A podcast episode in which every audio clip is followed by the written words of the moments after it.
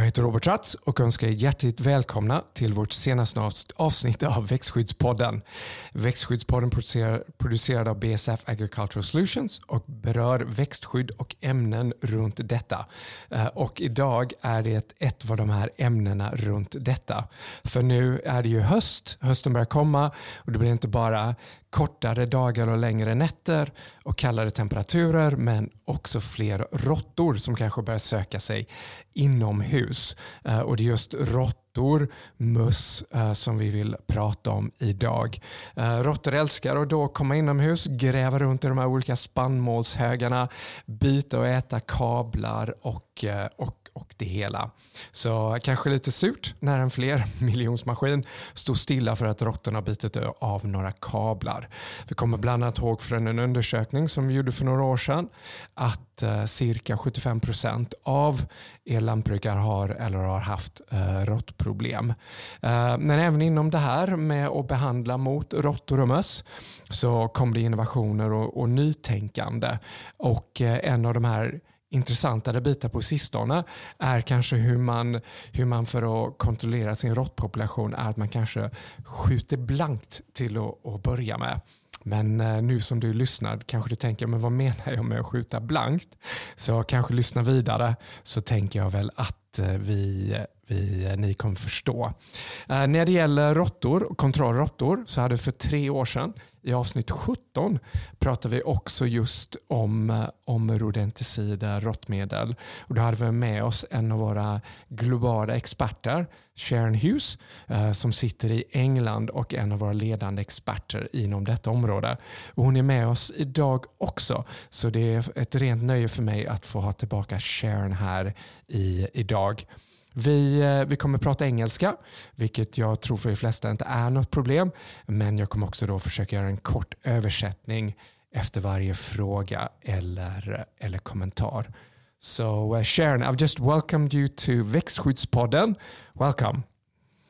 Well, thank you. Nice to be here again. Yes, I, am just telling the listeners it's been uh, seven. Uh, it's it was episode seventeen, and it was three years ago. And I think when you were, I were just catching up here. You were just saying it doesn't feel like three years ago. No, it certainly doesn't. So uh, time uh, time has fla- uh, has flown by, and uh, yes, and I've also introduced you as a as a world renowned expert on rodents and rodenticides. And last time we also had a, a quite an extensive introduction, but just maybe a, a, short 10 second introduction, who you are and what has made you this expert. Okay, oh, thank you. Thank you for calling me the expert. Yeah, so obviously, I Sharon Hughes. I've worked for BASF. I've just had my 34th year anniversary. So, in all that time, thank you, working for rodents and rodenticides. So, all the time looking at the biology, the behavior, and how we can use that knowledge to better use rodenticides, and also then the development of rodenticide baits to, to help the to help the end user best get on top and control infestations with advice as well as um, on, on how to use everything and, and how about rodents and rodenticides. So that's me. Thank you. Okej, okay. så det Sharon säger är att hon har arbetat eh, cirka 34 år här på BSF eh, och då nästan, eller hela den här tiden jobbat med biologin eh, runt råttor, deras uppförande i ja, det som finns och sen också då med att använda, utveckla råttmedel och och sen också runt rådgivning runt, runt detta. So uh, last time uh, you were with us, uh, that was three years ago, as we've mentioned. How has things changed uh, over the last uh, three years, or or hasn't it changed? I, I think that the biggest change that we, we've seen, just generally as an industry, is greater emphasis coming both from the regulators to uh, um, with to ask manufacturers to do, and then manufacturers to uh, to train end users is the greater emphasis of is the minimum use of rodenticide baits in the environment, and this is to reduce environmental impact. And so, along with that, is then to make them more aware of the, a better strategy for prevention and detection with obviously then control. So I and I think this this will become more and more as we move forward, where um, minimum use for maximum impact, minimum correct use of rodenticides for maximum impact. Um, that was one of the with industry, and then for BASF, one of our key things that we've had over the last three years, and it's been quite recently, is the um, for our Selontra's we've had this um, introduction of a, a additional species to the label. Um, so this was as a direct result, if you like, from listening to our customers, and they said that there's there's two common, um, in, especially in Northern Europe. A, there were species that weren't on our label, and they were the common vole, Microtus arvalis, and Apodemus sylvaticus, which is the wood mouse.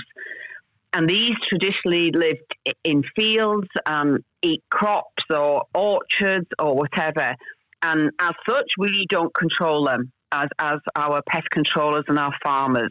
But what's been happening is more and more, as man has been building on rural environments, is these rodents have changed, some of them have changed their behavior and have now moved to in and around buildings, which is where we um, come into using our rodenticide bait in and around buildings. Um, and as such, now uh, in some uh, locations, up to 70 and 80% of the rodents, they're not the traditional house mice which are on our label. They're one of these, um, either the common vole or the wood mouse.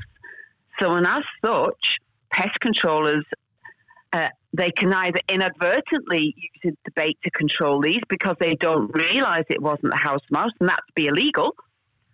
Uh, or so now, due to request, we've actually got these rodents and these additional rodents onto our label. Um, so that's a big thing for us. So that helps pest controllers, end users, farmers do the job more efficiently and, and legally, and recognizing that this change in rodent behaviour now, um, like I say, where for some on some sites, up to 80% of these additional species are not the traditional house mouse. So that's been a big thing for BASF to, to support um, to support users of our rodenticide bait. But okay.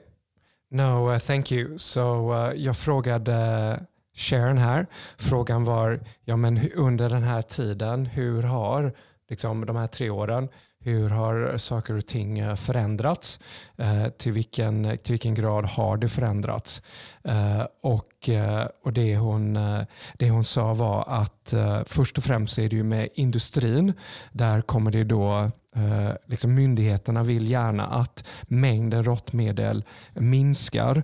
Det här också då om man tänker för, eh, ja, för att utveckla bättre strategier för att eh, påverka eller minska påverkan på miljön. Eh, och då är det då eh, prevention och men sen också se och upptäcka eh, ifall det finns råttor och försöka göra det på ett annat sätt. Så helt enkelt få minska användandet med den största möjliga påverkan. Så det var det hon sa från industrins perspektiv. Men sen också då Celontra som var den här produkten, innovation, innovationen vi pratade om i avsnitt 17. Där så sa hon att här har de lagt till två ytterligare arter. De latinska namnen tänker jag att ni får som lyssnar får gärna slå upp. Men det ena är sork, sorkar och det andra är det hon kallar för en skogsmus som tidigare inte var med på etiketten men sen och då eh, kanske då behandlades eh, eller togs hand om i en behandling och då, så nu har man helt enkelt jobbat på, att lyssna till kunden och försökt att göra det, det lagliga, eh, eh o, vad ska jag säga, det olagliga lagligt för också då för att beteendet på dessa djuren har förändrats eh, och då ta hand om och se till att det också blir, eh, blir, eh, blir lagligt. Så no, thank you Sharon. And then did COVID, did COVID change anything here over the last three years in terms of behaviors or uh, anything? It did. Um, not so, so for rural areas, it didn't change really the behaviour of rats and mice because in rural environments, the everything really was still the same. The the animal feed or the feed that's available on farms that was still there. The water was still there. The harbourages was still there. So very much in rural areas, rodents could carry on as before. However, in urban areas, the change was significant in the fact that normally rats in urban areas, most of their food is from human type of waste food in bins, in restaurant bins, food left on the floor, uh, rubbish bins in the streets. So now all of a sudden, all that's gone as humans were in lockdown. So rodents had to be uh, become more adventurous, if you like, and look further afield for their food. Um, and then also because that, that we didn't have all these um, more readily available, they also had to move out further looking for their food. So in urban areas, what we've seen was particularly rats becoming, if you like, more bolder, more braver because they had to look further afield for food, but also because there were very few, if any, humans around, then they didn't they didn't have that aspect to be afraid of. So they were coming out in the day, one out of desperation, and two out of the fact that there were no humans around to, for them to have this fear of. So very much uh, for rodents in urban areas, there was a, a really behavioural difference, um, and there was a lot more sightings recorded. So it doesn't really mean that there were more rats, particularly rats it doesn't mean there were more rats. It just that means that they were out more, that they changed their foraging behaviour, they were out more in the day, and they were moving further afield in an attempt to find the food that was kind of no longer there. Very, very interesting. Jag frågade Sharon här under covid ändrades någonting för råttor eller vad ska jag, runt råttbekämpningen. Och det sa att på landsbygden så var det inga stora förändringar. Uh, mat, vatten, liknande fanns där det alltid hade funnits. Men i städer blev det stora förändringar. Just från att tidigare så kom mycket mat kom ju från kanske soptunnor från restauranger. Och sen det ändrades ju, det försvann uh, under covidperioden. Så råttorna var helt enkelt tvungna att leta längre bort. Uh, och då var de tvungna att ändra sina vanor. Så de var tvungna att vara lite mer modiga för att gå ut och leta, kom längre bort. Men sen var det också färre människor uh, som gjorde att uh, de uh, helt enkelt de behövde vara mindre mindre rädda för, för, för det hela. Så in, uh, intressant uh, tyckte jag där. Och uh, Sharon, one of the statistics I've heard is that there are in a country there are as, as many rats as there are people that live there. So for example in Sweden then 10 million people, 10 million rats. Can you, can you, firm, can you confirm this statistic? Uh, it's, it's nothing, no statistic that's ever been confirmed. It, it's kind of an, an anecdote that's been passed passed on for many many years. Um, yes, uh, there's that one, and there's uh, the other one is you're never more than 10, 10 meters or 10 feet, 10 meters away from a rat at any time. And that takes into account if you go down into your sewer system, that the rats in the sewers.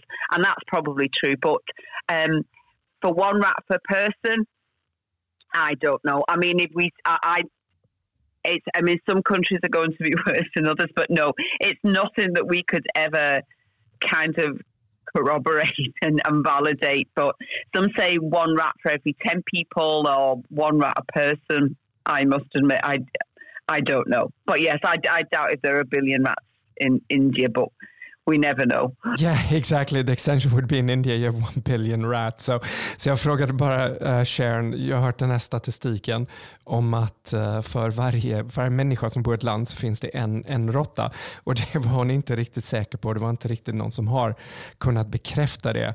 Uh, och, men sa hon att det finns också en annan statistik som att vi har alla, eh, inom 10 meter av oss människor finns det alltid en, en råtta och då ingår avloppssystem och, eh, och liknande. Eh, och då skämtar jag bara om att Uh, ja, liksom ifall en, en eh, råtta per person. Det har ju funnits över en miljard råttor i Indien och sen säkert också Kina och det är en ganska, ganska stor population som också ska äta. Men uh, no, uh, nice, uh, nice day, Sharon. But in in my introduction in Swedish, I mentioned cables and the rats like cables. Uh, do you have anything on that? Why why is this, or is there anything that attracts them to cables? So for both rats and mice, the incisor teeth, you know, so the, the pointed teeth at the front that they use for biting and cutting and fighting, they grow continuously, unlike ours. So theirs grow continuously. So to keep them filed down to a, a reasonable length, they gnaw. Um, do um, it's a chicken and egg. Do the teeth grow continuously because they gnaw all the time, or do they know all the time because their teeth grow continuously? We're not sure which came first, but because they grow continuously, they know to keep them filed down. And they gnaw on anything brick, concrete, wood. Tables, if rats and mice are indoors, are just easy things to gnaw out. There's lots of them. Um, they're normally along the rat run where, or mouse run where they're running between where they're living and where they're feeding. So they're handy, convenient, and they're easy to gnaw through. So it's not that cables are particularly attractive, it's just that they're easy and convenient and there's lots of them. Okej, okay. så jag frågade här, i början nämnde jag det här med kablar och att råttor tycker om att bita i kablar. Frågar vad eh, är, är, har de en, eh, är det något de tycker om? Du sa Sharon, egentligen har det att göra med deras eh, biologi, med att deras tänder växer hela tiden och att de hela tiden måste försöka fila ner dem. Så därför gnager de för att hålla dem korta. Och då sa hon också det här på engelska, det kyckling och ägg-frågan, vilket kom först. Eh, gnager man för att uh, hålla tillbaka tänderna eller växer tänderna för att man gnagar? Så hon, i slutändan så sa hon, de gnagar på allt.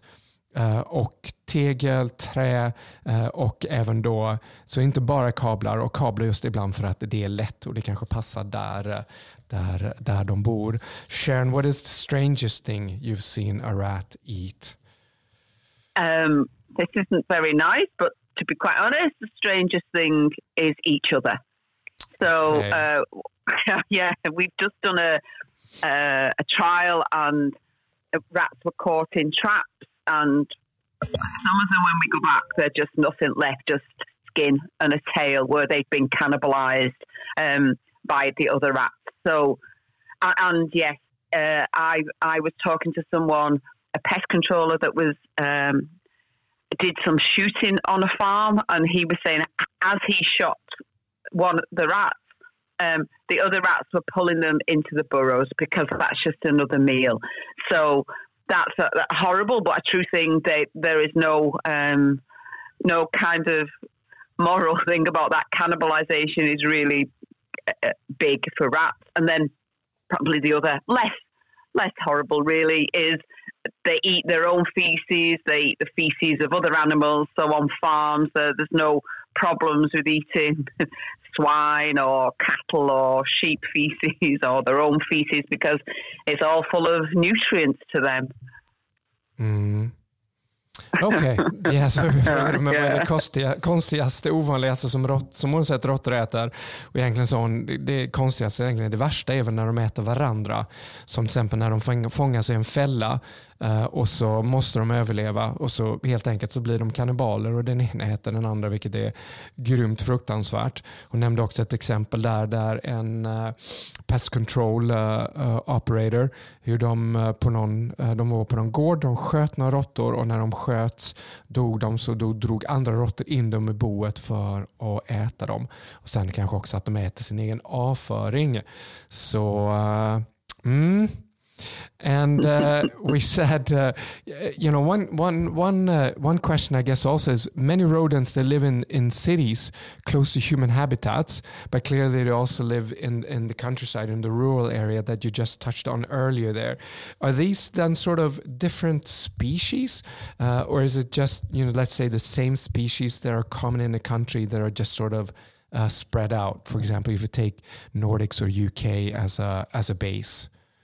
Yeah, yeah. So um, the three common species we have are in within Europe are the black rat, brown rat, and the house mouse. So in Sweden, um, you have mainly the brown rat or the Norway rat. Latin name is Rattus norvegicus, uh, and the house mouse, which is Mus musculus. So you don't normally have black rats. It's not warm enough for black rats. And the same with the UK and the same with Nor- Northern Europe. So they're the three key species. Um, so, but if we go to somewhere, for example, like Australia, then they're nearly all black rat because it's nice and warm there. Um, and they have very little brown rats. So the three key species generally are those three. And so if we take, for example, uh, Sweden or in our northern Europe, um, these three species, these species, whether they live on the in a rural area, on the farm, or an urban area, it's the same species, but what they will have different behaviours. Because if you, for example, uh, you take the the rat or the mouse living on a farm, well, they're used to feeding on food that's very much cereal and crop uh, based. So they that's what they're used to feeding on. If we take, for example, a rat or a mouse that's living in an urban area, then they're very much used to feeding on basically our the human food that we've thrown in the bins that, that's left over. So that's very normally kind of high fat, high protein type food. So we have the different food preferences. So whenever a bait is developed, it must um, we must make sure that we cater within that one bait. It has mi- mixtures of both. So it has like the the cereal or the grain based to so that can be used in rural environments, and it has the kind of the, the fat and the and, and also the grain because we, that's still used in urban projects that contain that. So it has to balance that. So if we again just coming back to Selontra, if we take Selontra, that has a, a bit of the fat, a bit of the grain. Uh, so we've got a bit of the protein. We have all of that contained in one bait, so it appeals to both. So that's one aspect that's different. And then the other is that generally rats that live in rural environments, um, we know rats are traditionally neophobic. That just means they're frightened of anything new. And because they're frightened of it, they avoid it. So rats in rural environments have more of a steady day to day things happening. So that they're in more of a routine. Rats in an urban environment, like the day to day happenings are less controlled, less less restricted. So I mean, waste may be thrown in that, that bin at seven o'clock, eight o'clock, one o'clock. It, it, there's more going on. So rats in an urban environment tend to be less neophobic because they have to get used to that little less structured routine. Rats in an urban environment tend to be far more neophobic. And then that's a problem for then when that comes on to control for the farmer or the person in the rural environment. So they're the two differences, really. The the reaction to neophobia, their extent of their neophobia, and their choice in, in what they're used to feeding on. Okay, thank you Sharon. Så jag frågar här Sharon, eh, när man tittar på, eh, liksom, eh, är det då olika arter i, i liksom en stad och på landsbygd? Eller är det samma Eh, art eh, som kanske liksom uppför sig eh, annorlunda. Och Det hon sa här var att det finns ju tre olika typer av arter. Det är black eller svart, en svart råtta, brunråttan, också den norska råttan Norwegian rat eller också en husmus, house mouse. Och, och liksom att då beroende på var man är här i, i Sverige, också i England, så är ju brunråttan och husmusen, det är de som är de vanligaste. Det är inte varmt nog för sig den svarta råttan. Medan till exempel i Australien är nästan uteslutande svarta råttor för där är det väldigt, väldigt varmt. Så det som då händer är att till exempel i Sverige så är det ju samma arter men det blir olika beteenden. För uh, ute i, på landsbygden där är det ju mer spannmål man äter uh, och det är det man söker sig till medan i stan så handlar det mer om att hitta det som finns, överbliven mat, kanske Kanske med högre fettinnehåll, högre eh, proteiner. Så därför nämnde hon igen att tar man en produkt som Slontra, eh, då måste man det betet måste innehålla bägge delarna. Både span, spannmålsdelen och då den högre, ska säga, det som en, en storstadsrotta, då, eller en stad, stadsrotta mer van vid, med fett och proteiner. Men sen också inte bara det de äter utan även det hon kallar för neophobic eller kanske översätter det som hur skygga de är. Eh, och råttor på landsbygden är mer skygga, de är mer rädda för nytt. Eh, de har inte behövt utmana sig lika mycket. Samma sak varje dag, en slags rutin. Eh, mer än kanske i en stad. Där varierar det mycket mer, mindre skygga råttor. Eh, de måste vänja sig vid att ja, helt enkelt variationen. Eh, mat kan komma på olika, olika tidpunkter och, och liknande. Så, but, uh, so, yes, Sharon, sorry, go ahead. I was just going to add, sorry, um, just to uh, your, your, when we talked about species in, in different countries, if we go to like Asia, then the, the three the key species are completely different. So there we have like um, what we call Rattus tiomanicus. So that we find that in palm oils as Rattus argentiventer. That's in rice fields. So they they they are completely different types of rats. And then in the US, we there's the cotton rat and the Polynesian rat. So the key the key three key species that we have on the label in the for Europe are not the the key species if we look at say Asia um, for example. Okej, okay. uh, och Sharon la bara till här att det här det hon beskrev tidigare var ju det för exempel, till exempel det man ser i Europa, kanske Australien, medan i många andra länder så har det ju olika, också då helt enkelt olika arter och nyckelarterna är då olika. Hon nämnde till exempel, eh, odlar du palm, palmolja så har du en typ av arter, på risfält har du en annan typ, i USA har du också en tredje och fjärde typ. Så lite olika uh, arter där helt, helt enkelt. And uh, Sharon, you've mentioned uh, Selontra, and uh, and maybe just to bring the listener back up to speed, this is what we talked about in episode 17: innovation, a new active ingredient. Uh, maybe just refresh what was it then at that point that made Selontra such an innovation uh, three years ago when we talked about it. Okay, so um, the key thing was that up until that point, maybe globally 95% of, of all rodenticides were anticoagulants. Um, and there was no there was no other active ingredient available to, to rotate with this, to use instead of this. So what happened was was um, BASF came along with Selontra, and that contains the active cholecalciferol. So the key thing to this is it's not an anticoagulant; so it has a completely different mode of action. The anticoagulants work by stopping the blood from clotting. Cholecalciferol, the active in Selontra, works by uh, withdrawing calcium from the bones and deposit it in soft tissue. So it's called hypercalcemia. Hyper too much, calcemia, calcium in the blood. So that's a completely different mode of action.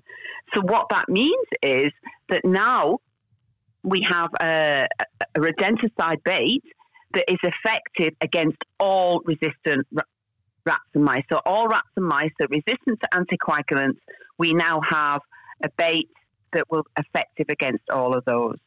And because cholecalciferol is a naturally occurring product in all mammals, uh, and the way the body um, balances its cholecalciferol content, it means that resistance to cholecalciferol, so resistance to Selontra, is highly unlikely to develop.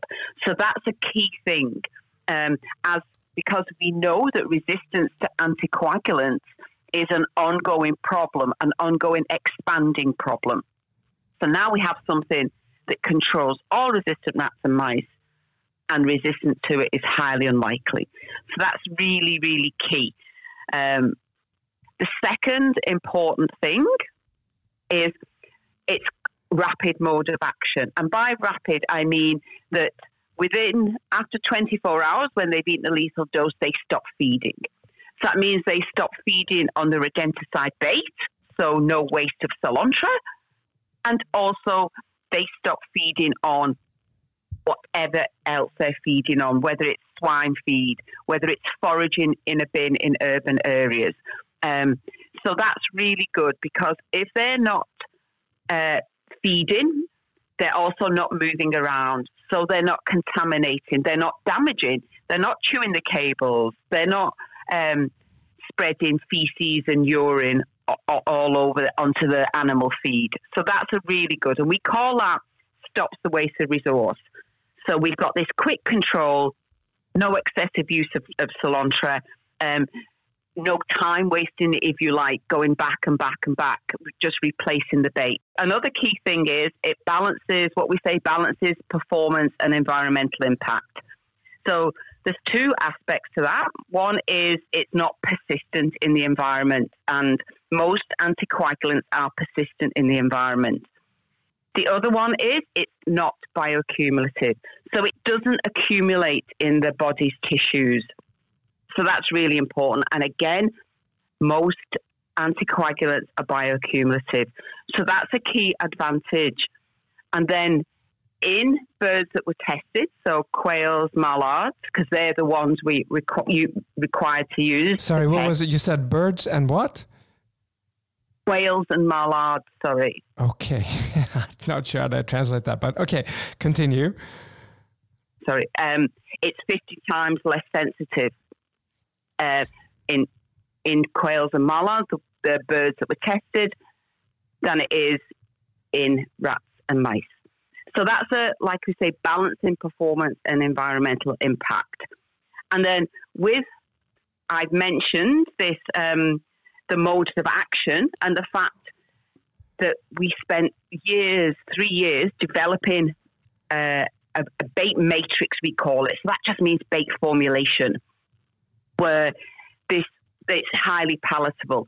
And we want it to be highly palatable because, as we've said, it, after 24 hours, with this stop feeding effect kicks in. So we want to make sure that they're eating enough within the 24 hours. So therefore, we need a highly palatable formulation. And Selontra is a, this partnership between cholecalciferol, where they can stop feeding after 24 hours and save your re- resource. And it's highly palatable, enabling that to happen, to get the lethal dose in, to get enough to kill them um, with, within the 24 hours. So there's our key four. Um, stops the waste of resource, balancing performance and environmental impact. This uh, resistance, so a resistance buster. And then with all of this, it's possible to to be rodent free in as few as seven days. Not that won't happen on all infestations. Sometimes it will, sometimes it won't, depending on the rodent pressure, on uh, reinvasion, on the level of neophobia. But in some cases, you can, which is a real bonus. Okay, so that's Selontra in a, a summary. That was a very nice summary. Let's see how I can do that in, in, in Swedish. So, uh, tidigare här under samtalet så har ju Sharon uh, refererat till Cilontra uh, eh, och det var då den produkten vi pratade om i avsnitt 17 som jag nämnt. och då, vad var det bara för att påminna oss lite här, men vad var det som gjorde att, vad som gjorde att det var en innovation då på den tiden?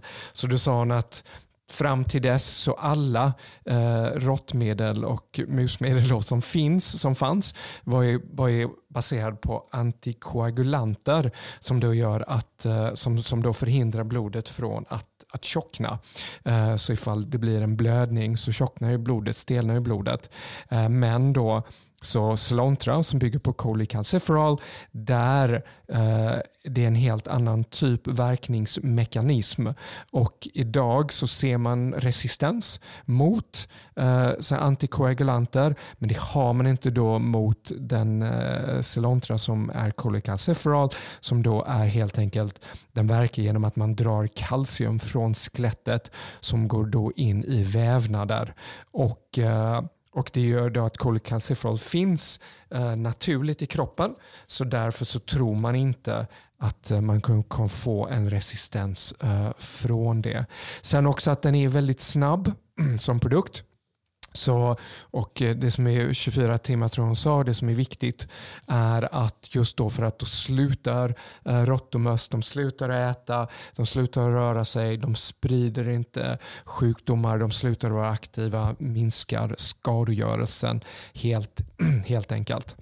Sen sa hon också att eh, det är också för att balansera miljön, så det bygger inte upp i, miljö, i miljön, miljön, miljön, det är inte persistent i miljön och hej, eller det här med med det hon säger att bioaccumulate eh, som då betyder att helt enkelt det bygger upp i vävnader som då är viktigt eh, här i för att säg då ifall ett råttdjur dör så kommer det någon annan och äter dem. Eh, ja men då är det medlet då fortfarande kvar i vävnaden som då kan spridas till det djuret som kanske då äter en råtta. Eh, och då så sa hon att här har man, har man testat eh, och då bygger det inte upp på, på samma sätt. För jag tror hon sa 50 gånger mindre känsligt. Och då nämnde hon fåglar, eh, bland annat eh, quails och gräsand.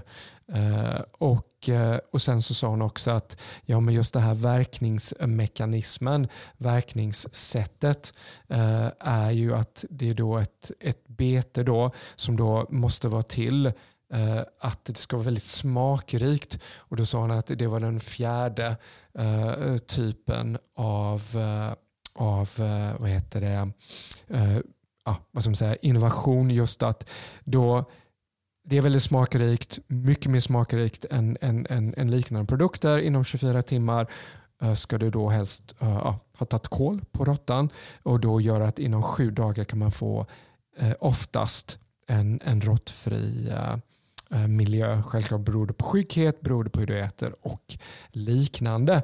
Och för de som undrar så vaktel är ju det svenska ordet för en quail. Jag blir verkligen testad här på att översätta. Men uh, good Sharon, and then in my introduction uh, I mentioned to you, uh, sorry, in my introduction in Swedish, I said about uh, about shooting blanks or using blanks as, as a way to, to control. And then also in your introduction, uh, what has changed, you also mentioned the regulatory requirement that there's more pressure now from the authorities to want to, to, to reduce the amount of, uh, of, of baits that are, are being used. And, uh, and here we have then uh, launched a new type of product. Uh, what is that product and, uh, and, and, and, and how does that work? Can you describe it? Yes, yes. So what we've launched is a, a, monitoring paste. So to complement Selontra to complement Selontra to enable the, the end user to um, do a more a more efficient and a more sustainable um, rodent control program. So what it is, it's a monitoring paste based on Selontra, so it has no active ingredient, but it's the same formulation as Selontra, um, no active ingredient. Um, because it has no active ingredient, it doesn't need the, the green warning dye that Selontra has. So we have no active ingredient, we have no green warning dye. But otherwise, and it's a, sorry, it's a smaller size. It's only Selontra is 20 grams. The monitoring paste is 14 grams. So that's a brief description of it. So it's smaller because it's there to monitor.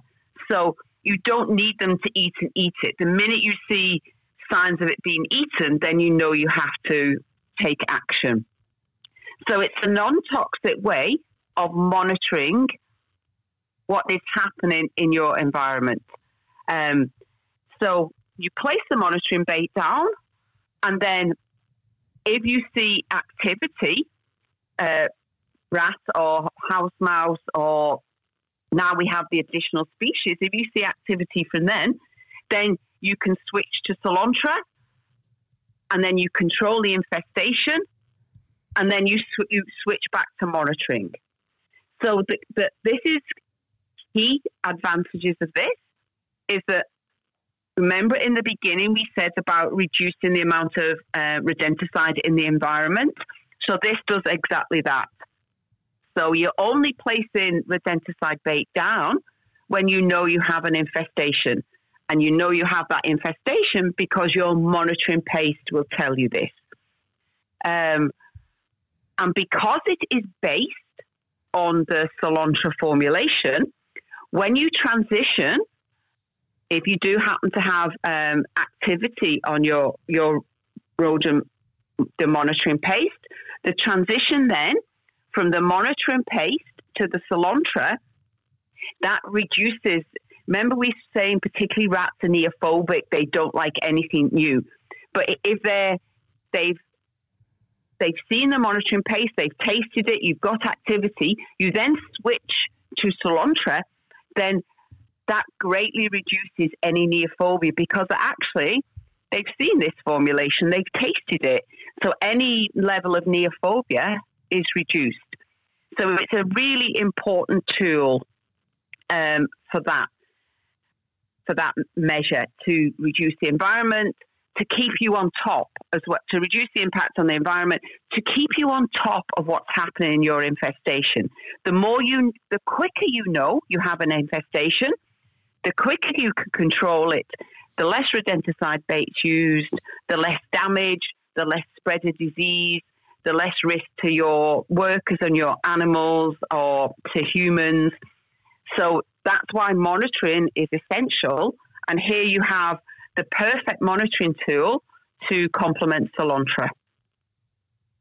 Uh, great Sharon. Så, så här frågade jag bara eh, i början nämnde jag det här med skjuta blankt. Eh, också att hennes introduktion nämnde också det som har förändrats är ju att myndigheterna då ber om att minska, minska mängden.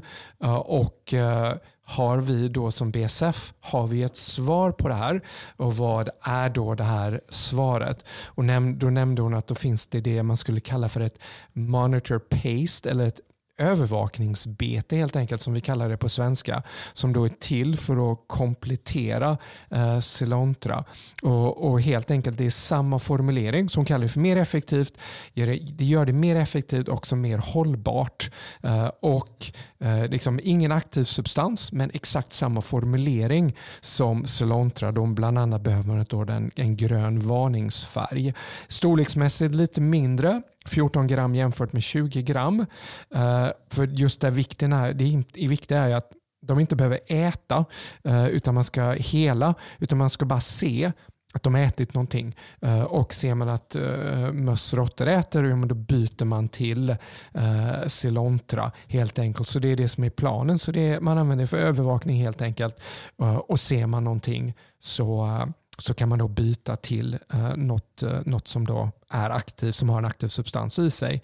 Och Det är helt enkelt då för att i början minska användandet av, av råttmedel. Och sen det positiva också sa hon var att det är ju samma formulering som då gör att den här inbyggda skyggheten som vi också pratat om gör att den eh, försvinner eh, eller minskar väldigt, väldigt mycket. För när man då går, i och med att det är samma smak, man går från Eh, övervakningsbetet till Celontra så, så är, det ju, är det ju samma sak uh, helt, uh, helt enkelt.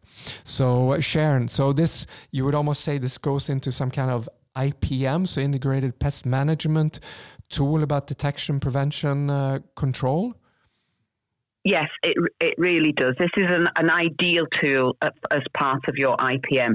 And IPM, uh, so like you say, integrated pest management, this should be a tool that all everyone that is using rodenticide bait should be operating on with, um, because the sooner you detect, then that means you're using less rodenticide bait. Um, then, th- so that's essential. Then we have prevention, so proofing, cleaning up, uh, proofing your building, making your building uh, or your site less attractive to rodents. I mean, that's a that's a key thing. So detection and prevention, working hand in hand, will minimise the need for control. And this uh, monitoring paste that comes under detection. And like I say, if we if we want to um, if we want to keep rodenticide baits for as long as possible. And in this ever challenge in regulatory climate, then um, correct use, minimum use, these are all key essentials. And also then of something that's not in the IPM, it's also it's cheaper. it's less cost. It's less costly to be actually doing IPM than it is. So while it might seem a, a burden to set the system up and to to do your assessments. Once you have it, it's actually cheaper because the rodent infestation doesn't go out of control. You've detected it earlier. You're using less bait and there's less damage. So it's a it's a win-win really. Um, you're, you're, it's a sustainable um, solution. So by sustainable kind of, I mean it, it's it fulfills the need of now of, of what we need now without compromising the needs for the future. And that's what we we have to do when we're when we're using rodent control is think about not risking, not compromising anything for the future. So yes, this is an ideal tool, an ideal, like you say, to to complement Selontra. Mm, so uh, Bra, så jag frågar dig Sharon här, ja, men hur funkar det här då enligt principen av IPMs integrerat så här pest management eller helt enkelt liksom i, i att titta på det på det stora hela. Uh, och det sa hon absolut, det här är ett ideellt verktyg just, just för det. Uh, för IPM så det, det, ska ju användas för alla som då försöker bekämpa råttor. Och ju tidigare man kan upptäcka, eh, då kan man då minska mängden. Eh, och Det är då helt enkelt det här med ja, men, eh, hur tidigt kan man upptäcka det och en monitor paste funkar då väldigt bra just för att kunna göra det här.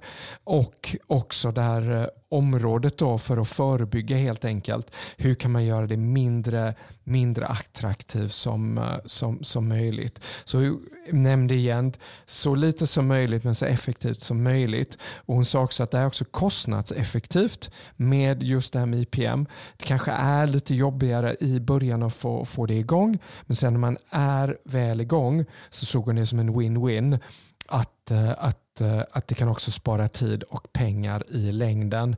Eh, och att just det här viktigt, just det här med trycket på hur mycket man använder av växt, eller råttmedel och liknande.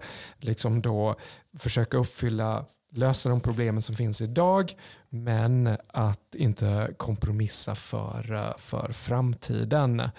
So uh, uh, Sharon, just in terms of application, Uh, is there is there a way to uh, any difference in in application or or how to apply it versus Selontra? It didn't sound like it, but just just to check. Yeah, so yeah, so you, you'd place it in in the key areas where you think you might have rodent activity either now or in the future, or where where you I mean you you've identified as, as a risk of potential activity. And where for Selontra is five to seven blocks for rats and one to two for mice. The monitoring paste is one to two blocks. Just a simple one to two blocks. So they're smaller blocks and you're just placing one to two because all you're doing is monitoring. You're not interested in in feeding in lethal doses. You just need to monitor any activity. So you only need one to two blocks. So that's a, a, big difference. And that's why I remember before I said about money saving, about it being a, a cost effective way. So one to two blocks in the same areas really where you'd place the, the Selontra. Now, Selontra has to be, because it's a rodenticide, in either a bait box or in a covered and protected um, bait station. The monitoring paste doesn't have to be. It could be not in a bait box.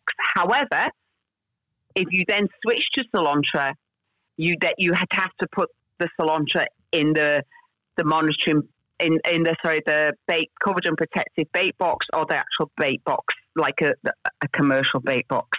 So that's the only difference really. But you'd want to put it really for me where you'd normally bait. So that's a key difference. But the other the other thing you could use it for as well is say say you you thought you had rats, but you're so now you know you've got rats, but you're actually not sure where they're feeding. So you might think, I think my rats are moving and feeding over there. So you could just put the monitoring paste down just to confirm to yourself that that's where the rats or the mice are actually feeding. So it's not just an early detection of an infestation, it's actually monitoring the dynamics of an infestation as well. So that's that's its kind of second use that we have. Um, so that's a, another so really important. You, mean, so you mean putting it outside the bait box? It doesn't have to be you the could bait do. box. Yeah. Yeah, you could do. Yeah, yeah. But well, obviously Selontra always has to go in the bait box. But even you can put it, like you say, you can put it outside or inside. As long as the Selontra is always inside. So even inside the building, you might think, I think my rats are moving from this bit of the building and feeding over there. You can put the monitoring paste there to help you understand are they actually feeding there before you put the bait down. Again, to optimize your use of the bait. So that's two two key things really. Um, and then along with that, I kind of just want to mention um, once you've completely got rid of your infestation, so you've you've gone monitoring paste, Selontra, you know your infestation's gone. You can then go back to monitoring paste. So it that's the cycle: uh, detect, control, go back to detection and keep that all, all the time. And that's the most cost effective and the most efficient way of, of doing this IPM strategy using those two products. Mm. Så, så det jag frågar här Sharon, ja, men när man då använder det, använder man det på något annorlunda sätt, applicerar det annorlunda.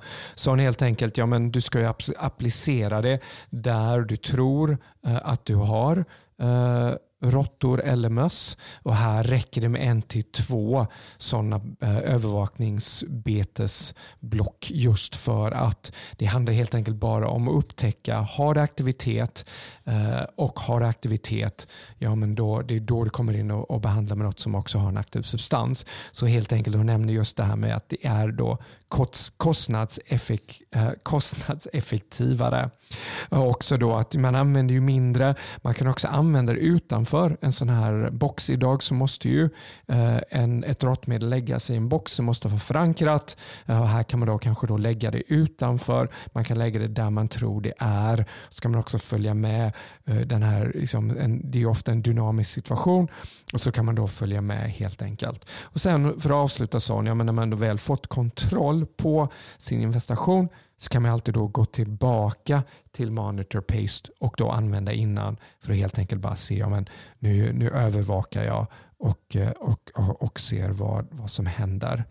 Uh, but Sharon, to start, maybe just to start wrapping it up, uh, how, uh, what, what trials uh, have you done to show that it works uh, the way you describe it? Yeah, so um, we, we've undertaken several trials. Um, obviously we start with like anything with this we start with in the laboratory so before we go out into field trials. So it passes all our palatability trials and to make sure that rats and mice find it palatable and, and are really willing to eat it. So obviously we start with them. And then we do field trials. And what we've done is we we put the the monitoring paste down as a to detect rodent infestation. And this was obviously on a at this, we've done it the site where we knew we it was rats in this case, um, and we put the monitoring paste down, so we know we've got rats. So if they don't eat this, then we know we're in trouble. So we place the monitoring paste down uh, in our bait boxes, and we see that the rats they eat it, that's fine, and we can say, right, it works. So we did that for three or four days. This is how we run our trials, and that gives us a, an idea of the number of rats there. And also, uh, another uh, method that we have for monitoring is we just put sand patches down, just just little patches, 100 millimeters by 200 millimeters for rats, and kind of 100 by 100 for mice. And we just look at the amount of paw prints on that. How much of that patch is covered in paw prints? And that gives us an indication of activity. So using those two, we did that for three or four days. The monitoring paste was readily eaten, so tick. It was palatable. They accepted it, and then we then removed the monitoring paste, which so now, and then we thought, right, this is what an end user, our farmer or pest controller would do. We then replace it with Selontra. And straight away, there, there was no problems. They first day, but that's it. Selontra is eaten, and the the rat infestation was was controlled within seven to ten days. So we have no problems with it. And obviously, we've done similar ones now, and in uh, a few countries now, uh, monitoring paste. It, it, was launched last year, so um, it, it's obviously popular. It's a popular tool to assist with, um, along with Selontra. So yeah, so we've done our trials, and then we, there's the ongoing trials. Once something's in the market, there's the ongoing trials of people saying yes, that's that's a good solution for us to reduce the amount of rodenticide. Okej, okay. så jag frågade här om men vilka försök till exempel har gjorts då för att bevisa, att, eller, bevisa det att det säger det är så. Sen sa de, men självklart, först eh, så tittar man i labbet, ser till liksom att det passar, passerar de här det vi kallar för smaklighet och att det verkligen lever upp till förväntningarna.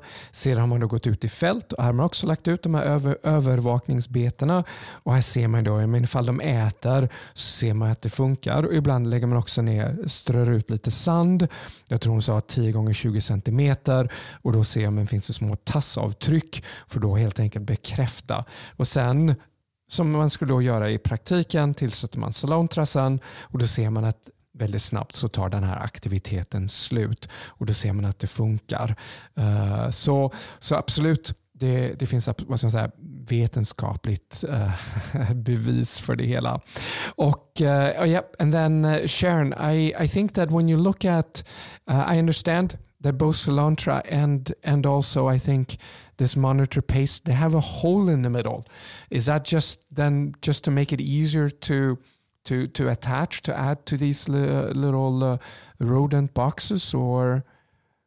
Yes, yes, com- completely, absolutely, completely. When it very very first came on the market, we didn't it didn't have a hole and again, like I mentioned very early on in this, listening to the the, the customer um, with the and then having um, doing all the work to get the additional species on, this came back to us. It would be really helpful if this had a hole in the middle, so it helps us to secure it on the rod that's in the bait box or thread it on wires. So very, very much so listening to the customer. So now Selontra does have what we call a preformed hole to make it really easy to, to secure it.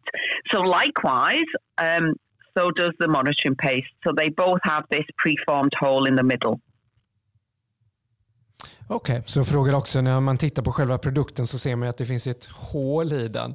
Eh, uh, också med Celontra, så både övervakningsbetet och Celontra har det här hålet. Uh, och då frågade jag henne just om det varför och då sa hon att i början när de lanserade Celontra så fanns, fanns inte det hålet där från början. Men kunderna bad om. Eh, extra arter och även ett hål som det gör då helt enkelt att det är lättare att förankra eh, och den teknologin eller den idén har de då tagit vidare också till eh, övervakningsbetet. No, but uh, Sharon, uh, as always, really fascinating and and really really educational. I feel like I really learned a lot. Uh, so so big thank you for joining us. Is there anything else you think right here at the end? Maybe you think we've forgotten or something that uh, you would like to um, uh, mention? No, I, I think we've we've we've done well between you and I. I think we've covered a, a lot of lots of topics, and and like always, there's I mean on the BASF websites there'll be more information on on all of this, and we have brochures. But I I think we've covered everything, don't you, Robert? No, I think so too, but I just like to ask the guests just to make sure. Yeah, yeah. If I have uh, anything else up my sleeve that I would like to say, no, I'm very All good, thank you. So, no, perfect. So, jag frågar också Sharon, uh, har vi fått med allt? Eh, och det tyckte hon att vi hade, så självklart. Så hon nämnde också att det finns ju med på vår hemsida. Eh, och det stämmer ju som alltid. Eh, ni, all, ni som lyssnar, jag ser allt det här på slutet. Ni är välkomna att gå in på vår hemsida, agro.bsf.se. Eller också följ oss på Facebook, eh, uh, BSF Agricultural, Agricultural Solutions. Och nu finns vi också på Instagram för er som är uh, där. Vi har pratat om växtskyddsmedel och egentligen rodenticider idag, råttmedel, så glöm inte. Använd dessa produkter med försiktighet. Läs alltid etikett och produktinformation för användning. Observera alla varningsfraser och symboler, även ifall fall just med det här övervakningsbetet så finns det ju inga varningsfraser. Det nämnde Sharon. Så tack för att du lyssnat. På återhörande. Sharon, thank you very much. And jointly let's say bye bye to the people that have listened. So bye bye. Okay. Yep.